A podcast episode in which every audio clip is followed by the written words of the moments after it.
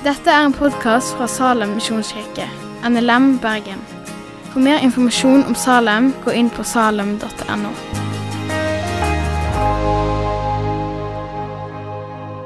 Og Vi skal avslutte taleserien i dag som heter Hjerter, med å snakke om ekteskap. Til mann og kvinne skapte han de. Jeg tror vi bare gønner rett på, for Etterpå skal vi ha en panelsamtale. så det blir en litt kortere tale i dag. Og så får vi en panelsamtale der vi snakker om ting som dere har stilt spørsmål til oss om. Så det blir spennende og utfordrende, og vi har besøk til å være med og svare på det. Så da skal treffe deg litt etterpå. Men ekteskapet, det er, det er Guds skaperverk. Det er en del av det som er overmåte godt når Gud skapte verden. Det er kjærlighet, ekteskap, seksualitet, romanse Alt det kommer fra Gud sitt kreative hode. Han har funnet på disse tingene. Dette er ikke utvikla seg som evolusjon. Dette er, ligger nede i oss som et skaperverk. Derfor finnes ekteskap i alle kulturer i verden, som jeg vet om. I hvert fall. Det er lagt ned i mennesket fra starten av. Og Han som har skapt oss og gitt oss ekteskapet, han vet òg hvordan det skal brukes. Og Før vi stiller spørsmålet hva er ekteskapet for, så vender vi oss til Gud i bønn. Herre Far, takk for alle dine gode gaver. Et av dem er ekteskap. Herre Far, jeg ber om at du kan ta disse ordene som jeg sier nå. Jeg ber om at du gjør det til liv. Jeg ber om at det, det kan være noe som jeg kan leve på. Jeg ber om at du kan skape tro i oss gjennom det jeg skulle si, Jesus. Må du bli stor, sånn at vi kan ære deg, herfra. Amen. Hva er ekteskapet for? Hva er grunnen? Hva er årsaken? I en verden der følelser faktisk ser ut til å ha blitt det viktigste for ekteskapet, så er det få som har satt seg ned og lest bruksanvisningen. Hvorfor har vi i det hele tatt ekteskap? Hvorfor eksisterer ekteskap? Og når, når vi tenker at følelser er viktig, så tror jeg det er en del av årsaken til at halvparten av ekteskap havner i skilsmisse. Nå skal det sies at Noen av de prosentene handler om fysisk og psykisk vold, og ikke nødvendigvis at en ikke helt vet hva ekteskap er. Men, men mange tror jeg ender i ekteskap pga. at vi ikke helt vet hva er egentlig ekteskap. Kunnskap kan hindre oss i å ha feil forventninger. og Derfor er det viktig å snakke om dette, òg til mange av dere som er single at vi snakker om ekteskap sånn at vi har riktige forventninger. Og For å finne ut hva ekteskap er, så må vi gå til Bibelen og høre hva den sier. Og Vi skal gå helt tilbake igjen til starten, helt tilbake igjen til første Mosebok. I kapittel 2, 24, der sier Gud derfor skal mannen forlate sin far og sin mor og holde fast ved sin kvinne, og de to skal være én kropp. Det er når Gud gir mennesket ekteskapet. Det er starten. Derfor skal mannen forlate sin far og sin mor og holde fast ved sin kvinne, og de to skal være én kropp. Derfor, sier han. Og så stiller vi om hvorfor.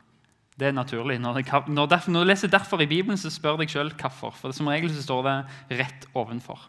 Og For å gi et svar på det så må vi altså gå noen vers tilbake. Gud skaper Adam, mannen, den første mannen. Og så står det så tok Herren Gud mennesket, altså mannen, og satte det i Edens hage til å dyrke den og passe den. Det var oppdraget som Gud ga til Adam. Og der var, Gud, der var Adam sammen med Gud i Edens hage. Helt perfekt. sant? Adam og Gud, hagen, har det kanonbra. Men så ser Gud i 2,18 da sier Herren Gud det er ikke godt for mennesket å være alene. Det er ikke godt for mannen å være alene. Jeg vil lage en hjelper av samme slag. Og Hvorfor var det ikke godt for Adam å være alene? Fordi Gud hadde skapt ham i sitt bilde. Gud er Sønnen, Ånd og Faderen. Det er en relasjon. Og så ser han at Adam mangler dette. Han mangler en relasjon som er han lik. Og Hvordan skal han forvalte dette skaperverket? Han har fått et oppdrag i å forvalte skaperverket. Skal han gjøre det alene? Én mann? Nei. Han trenger en hjelper. Kanskje faktisk hvis Gud hadde skapt Eva først, så hadde Gud sagt ja, det går fint. Jeg vet ikke. Kanskje var det bra at han skapte mannen først. Eh, for sånn kunne det iallfall funka hjemme. Eh, men Gud ser Adam trenger hjelp. Og Adam har fått det kallet til å forvalte skaperverket, og så kan han ikke gjøre det alene. Og så skaper Gud Eva, en medhjelper av samme slag. Eh, ikke heng deg opp i det 'hjelper', for det gjør mange ofte. tenker liksom hjelper. Bibelen sier dame og hjelperen til mannen. Men Gud bruker det ordet om seg sjøl òg, at han er menneskenes hjelper. Det handler ikke om autoritet, det handler ikke om verdi. Det handler om at en er partnere, faktisk. Eh, Gud førte Eva til Adam. Det liker jeg. Ta-da! Første blind-daten. Sov litt, lage ei dame. Her. Og Adam Don Juan bryter ut i poesi. Første diktet vi har i verdenshistorien, det er når Adam ser Eva. Han bryter ut i poesi og dikter.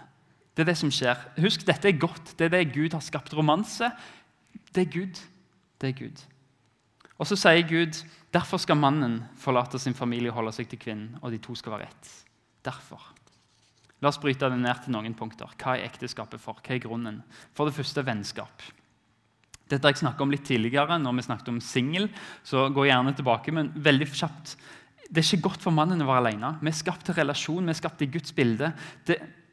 Og så gir Gud Eva til Adam. Det betyr ikke at ekteskapet er livsnødvendig. Du kan ha venner i menigheten, du kan ha venner som ikke er ekteskapet. Det går an å ha eh, at det er ikke godt for mannen å være alene. Det er ikke nødvendigvis ekteskapet som er svaret på det. Det kan være venner. Men i ekteskapet så er tanken at de skal være gode venner. I bryllupsseremonien sier, Adam, nei, sier Gud til Adam og Eva at dere skal være ett kjød. Det betyr at det skal være smelta sammen på dypet. Gud bruker det samme ordet om seg sjøl som Gud, Herren vår Gud, er én, sier han. Echad. Og så bruker han det samme om Adam og Eva. Dere er én. På samme måte som Faderen, Sønnen og Ånden er én, så er dere nå én. Dere skal ha den relasjonen, den tette relasjonen, den enheten. Vennskap som er tett, venner som kjenner hverandre djupt. Og en som du vet at når stormen bryter ut, så har du en som er i ditt hjørne. Du kan gjerne høre mer om det på den singeltalen hvis du har lyst til å høre om hvordan vennskap i kristne sammenhenger skal se ut. Men ekteskap er for vennskap. Det andre er at det er for hagearbeid eller kall. Gud satte Adam i hagen for å ta vare på han. Menneskene skal råde over skaperverket, sa Gud. De skal styre over det, Vær fruktbare, bli mange, fyll jorda. Legg jorda under dere. Dere skal regjere over dette. Å råde, det, er, det betyr å ta partnerskap sammen med Gud. Å ta det potensialet jorda har, og utvikle den til det beste. Guds mål er shalom, altså fred mellom Gud og mennesker, mellom mennesker og mennesker, mellom mennesker og naturen. Og så sier han det skal dere få være med på å råde. I Edens hage så det ut som hagearbeid, men i dag så er det samme kallet til jobben din og til studiet ditt. Å utvikle jordens potensial til noe som er overmåte godt. Jobben din er et kall. Om du er arkitekt, advokat, lege, sykepleier, lærer. De ressursene du har, skal du bruke til å bygge noe godt. Og du skal gjøre det sammen med Gud, men Og så gir han oss òg en ektemake for å være en medhjelper i dette. Ekteskapet skal være god jord for det kallet som Gud gir deg. Jeanette, for meg, altså Kona mi Jeanette, hun er for meg et skoleeksempel på det. Hvis ikke jeg hadde vært gift med Jeanette, så hadde Salem hatt en pastor som var utbrent for veldig lenge siden. Hun sier stopp. Hun sier nok kveld og helg. Nå ser jeg at du er sliten. Hun sier ikke ta på deg mer ansvar utenfor Salem enn det du faktisk greier. Hun er med på å gjøre at jeg kan leve i mitt kall. Og Samtidig så skal jeg være med og støtte hun sånn at hun er en god lærer for sine barn og en god logoped for de som hun møter. Jeg skal hjelpe hun med å hjelpe barn og syke til å kunne gjøre seg forstått med språket sitt. Og gi frihet til det. Hennes kall og mitt kall. Ekteskapet vårt skal verne om det og være god jord og hjelpe til at vi fortjener Gud og andre mennesker. Ikke gift deg hvis du bare skal sitte på en kafé og se hverandre inn i øynene. Men snakk sammen om kall og om tjeneste. Og spør deg sjøl vil denne personen hjelpe meg til å gjøre det kallet som Gud har gitt meg. Kan jeg tjene Gud og være sikker på at han eller hun vil hjelpe meg med det? Det er et viktig spørsmål. For det tredje så ser vi at ekteskapet er til for sex og familie. I historien om det første ekteparet så følger setningen begge var nakne, både mannen og kvinnen, og de skamma seg ikke over for hverandre. Seksualiteten er en del av skaperverket som var overmåte godt. Men Gud skapte ekteskapet som en kontekst for den seksualiteten. Og seksualiteten er et lim for ekteskapet. Det er paktslim. Det skal bekrefte og grunnfeste pakten mellom mannen og kvinnen i ekteskapet. Det står at mannen skal forlate sin familie og holde seg til kvinnen. Og et par som ligger sammen, de blir ett. Det er det sex gjør. Det skjer noe fysisk, sjelelig, åndelig som gjør at, Gud, at mennesker blir knytta sammen. Det er derfor Gud sier 'vent med sex til ekteskapet', fordi det skjer noe der som binder deg sammen, som er vanskelig å løsrive seg fra uten at det koster altfor mange sår. Det er grunnen til at det forbeholdes ekteskapet. Det er ikke bare en fysisk sammensmelting, men en åndelig og en sjelelig. Det får mange konsekvenser som du ikke kan reversere. Og Derfor er sex innenfor ekteskapets rammer, som er Guds plan. I tillegg til konsekvensene av sex eller i tillegg så er konsekvensen av sex er barn. Og fordi at barn og nå, nå, trenger ikke det Bibelen engang, men fordi at barn ifølge forskning og all empiri sier at det er best i ekteskap. Så vet vi at det er trygt. Ekteskapet er den tryggeste plassen å oppdra barn. De kjenner på trygghet, de kjenner på god sosial og psykisk helse fordi forpliktelsen til foreldrene er gjensidig å skape en trygghet. Disse grunnene vennskap, hagearbeid og kall, sex og familie det er fredens hage. Gud sa se her er ekteskapet Adam og Eva. Og det gjelder ennå, selv om vi ikke lever i hagen ennå. Vi er preget av synd og vi er preget av skam og menneskelige feil. Relasjonen er preget av løgn, svik og smerte, av sinne, av distanse og av anger. I det hele tatt vi er preget av synd.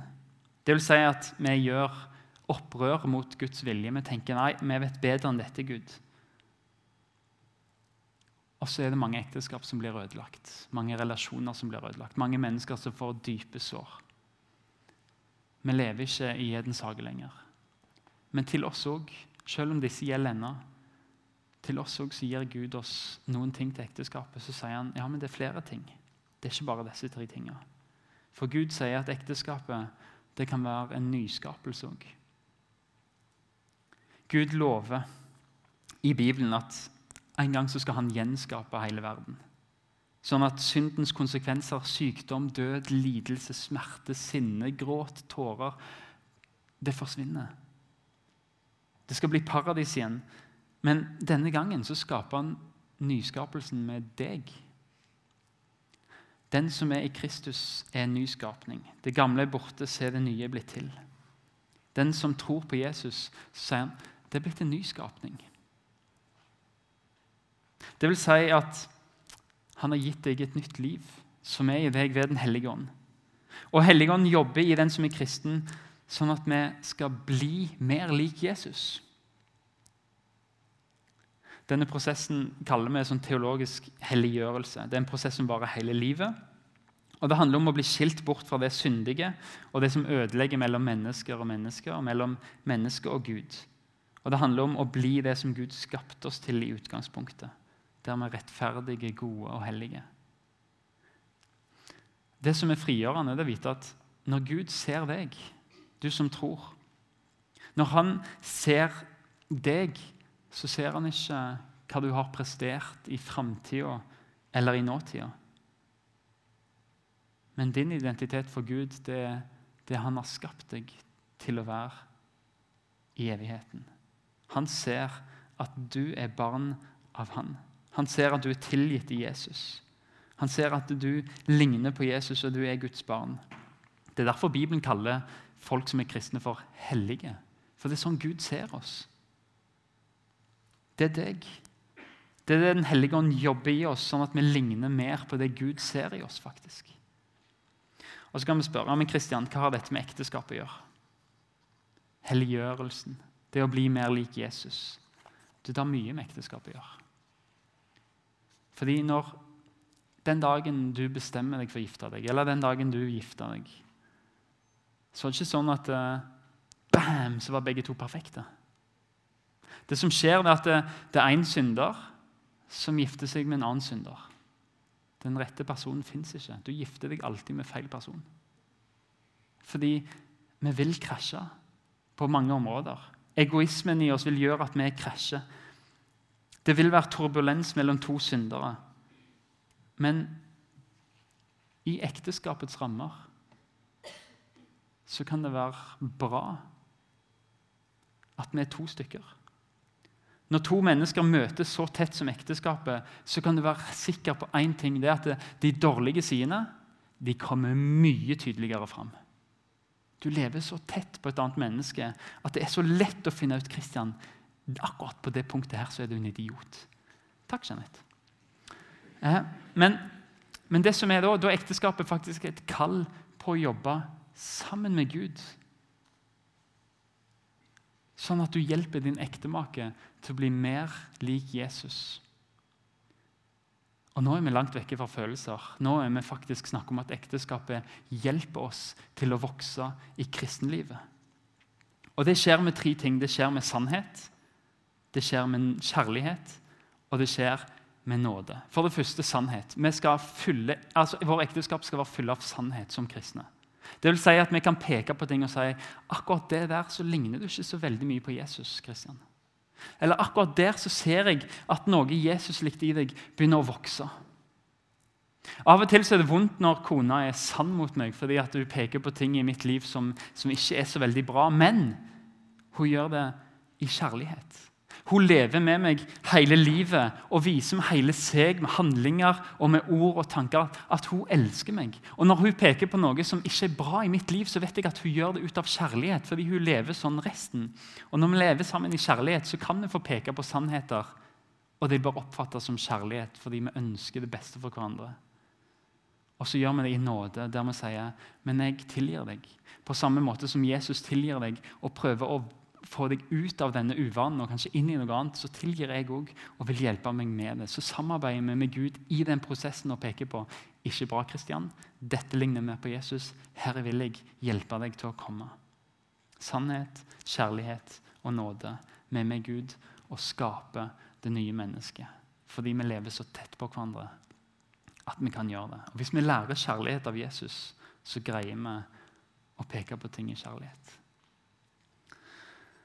Det femte ekteskap skal være det er et vitnesbyrd om Jesu kjærlighet. Et vitnesbyrd om Jesu kjærlighet. Og Da må vi spørre oss Fordi vi lever i en kultur der, som har utvanna kjærlighetsbegrepet totalt. Hva er egentlig kjærlighet? Jeg elsker Gud, men jeg elsker taco. Skjønner dere problemet? Vi har vanna ut språket vårt. Og For oss har kjærlighet blitt rene og ufiltrerte følelser, og vår rolle er ganske passiv. Kjærlighet er liksom noe som, som skjer i oss. Vi kan, vi kan, falle for noen, akkurat som om vi snubler over fortauet så bare Ops, jeg er forelska. Men det er en stor bakside med det. Hvis kjærlighet er følelser som tilfeldig vekkes i oss, eller lidenskap for, for en ting så kan de like tilfeldig slukke. Hva når andre vekker større følelser i deg enn ektemaken din? Er det kjærlighet da?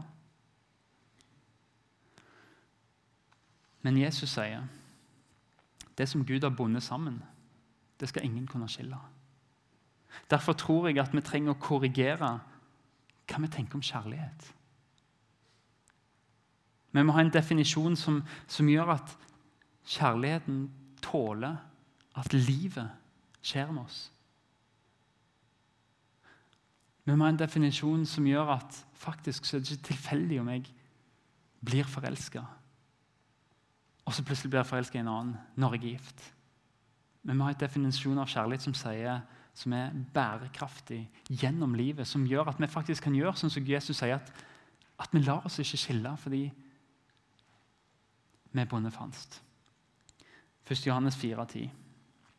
Dette er kjærligheten. Ikke at vi har elsket Gud, men at Han har elsket oss og sendt sin sønn til soning for våre synder.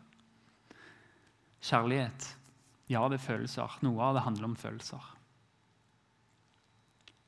Men kjærlighet er først og fremst Jesus på korset. Ikke slå opp i en ordbok, men se på Jesus, som gir sitt liv for verden. Kjærlighet er i all hovedsak et verb. For å friske opp grammatikken din så betyr det kjærlighet er handling. Det gjør at det er du som har kontrollen over de valgene du tar. Kjærlighet er noe du gjør. Kjærlighet er noe du velger å gjøre fordi du ønsker den andre vel. Følelser de er til syvende og sist egoistiske. Du kan si 'jeg elsker deg', og egentlig mene 'når jeg er med deg, så blir jeg lykkelig'. Jeg får det jeg har behov for. Du får meg til å føle meg viktig. Derfor elsker jeg deg. Det er en ren følelsesmessig kjærlighet som vil føre til et veldig egoistisk ekteskap. Men når det skjer kjærlighet som handling, da blir kjernen i kjærlighet definert av Jesus på korset. Og du tenker jeg skal gi av meg sjøl til den andres beste. Jeg skal legge ned mitt liv sånn at min kone får reise seg opp. Sånn definerer hele Bibelen kjærlighet. Sånn må vi holde fast på det ordet. Og Hvis du stripper ordet kjærlighet helt ned til rota, så handler det om å gi av seg sjøl for andres beste. Og Av og til så føles kjærlighet ut som varme følelser. Det skal vi nyte. Av og til føles det ut som å bære et kors, der du må legge vekk dine fordeler, dine begjær, dine ting som du vil, fordi du velger å løfte opp en annen. Et slags smertens vei via Dolorosa, altså den veien som Jesus måtte gå og bære korset sitt på. Sånn kan kjærlighet se ut òg. Men da kan du se på Jesus, og så kan du se at du er ikke den første ektemaken som går på den veien. Han gikk der først og lærte deg at kjærlighet det handler om å legge ned seg sjøl og løfte opp en annen. Og så kan vi altså Gud elsker å vise menneskene hvem han er. Og han bruker ekteskapet som en måte å formidle det på. For Jesus er forbildet for ekteskapet. Han forlot sin far, sitt hjem i himmelen, og han kom til jord for å se etter en brud. Det er hele historien i Bibelen. Det bildet av Bibelen gir oss av Jesus og kirka. For, for, Jesus fant sin brud når han kom til jord. Han fant kirka. Han fant de kristne. Og så sier han jeg skal elske kirka for evig. Jeg gir mitt liv for kirka. Selv om vi er troløse, så er han trofast. For han kan ikke fornekte seg sjøl. Han vil holde seg til sin brud. Han vil holde seg til den som tror for alltid. Det er derfor ekteskapet er innstifta som en livslang pakt, fordi det vitner om at Jesus vil aldri skille seg fra sitt folk. Og Når jeg lever sånn med kona mi og tenker at nei, jeg legger ned mitt, og jeg vil ha fokus på hun. Og når hun gjør det samme, at hun legger ned sitt og har fokus på meg Det vi gjør, det er at vi er et vitnesbyrd for hele verden. Der de ser at oi, det fins en kjærlighet som ikke er følelser. Det fins en kjærlighet som ikke bare er begjær. Det fins en kjærlighet som er villig til å legge ned sitt liv for å løfte andre opp. Og så er det sånn vi kan vitne med våre ekteskap om at det fins en frelser. Det fins en Gud som faktisk ga opp alt han hadde i himmelen, for å bli menneske. Og for å legge ned sitt liv for den bruden som han elska. Og så er det det bildet Bibelen bruker på kirka. At vi er hans brud. Og han er trofast, og han skal aldri forlate oss. Helt til sist skal jeg lese noen vers. Det kan være noen vanskelige ord i det verset, men det viser litt hva ekteskapet sitt formål er. Efeserne 5, 22-33. Dere kvinner, underordne dere ektemennene deres som under Herren selv. For mannen er kvinnens hode, slik Kristus er kirkens hode. Han er frelser for sin kropp, som Kirken underordner seg Kristus, skal kvinnene underordne seg sine menn i alt.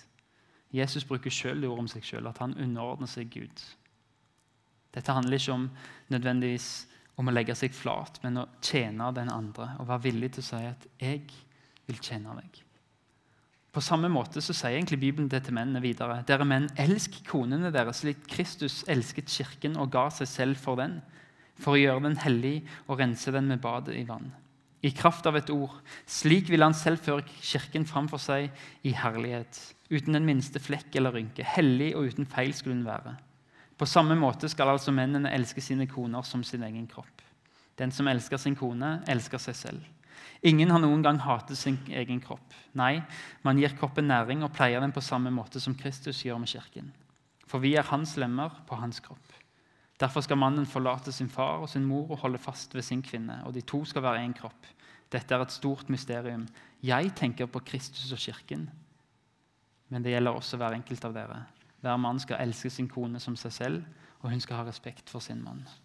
Vi kunne sagt veldig mye videre om akkurat den teksten. Men akkurat nå så skal vi bøye oss til Gud, så skal vi be, og så skal lovsangstimen komme opp, og så skal vi få bekjenne en sang sammen. Herre Far, takk for ditt ord til oss. Det er så mye mer vi kunne sagt om ekteskap, men jeg takker deg for at du er trofast mot oss. Uansett om vi er troløse, så er du trofast. La det få være et bilde for alle våre ekteskap her i Salem, både i Salem Ung og på søndag. Jesus, jeg ber om at vi kan få se på deg som forbilde i kjærlighet, til å gi vårt liv for andre og til å løfte andre opp, Jesus. Så ber jeg om at du kan gi oss visdom til å vinne ektemaker i hellighet og ære. Og de som er gift, Herre Far, så ber jeg om at du velsigner ekteskapet og beskytter deg. I Jesu navn. Amen. Takk for at du har hørt på podkasten fra Salem, Bergen.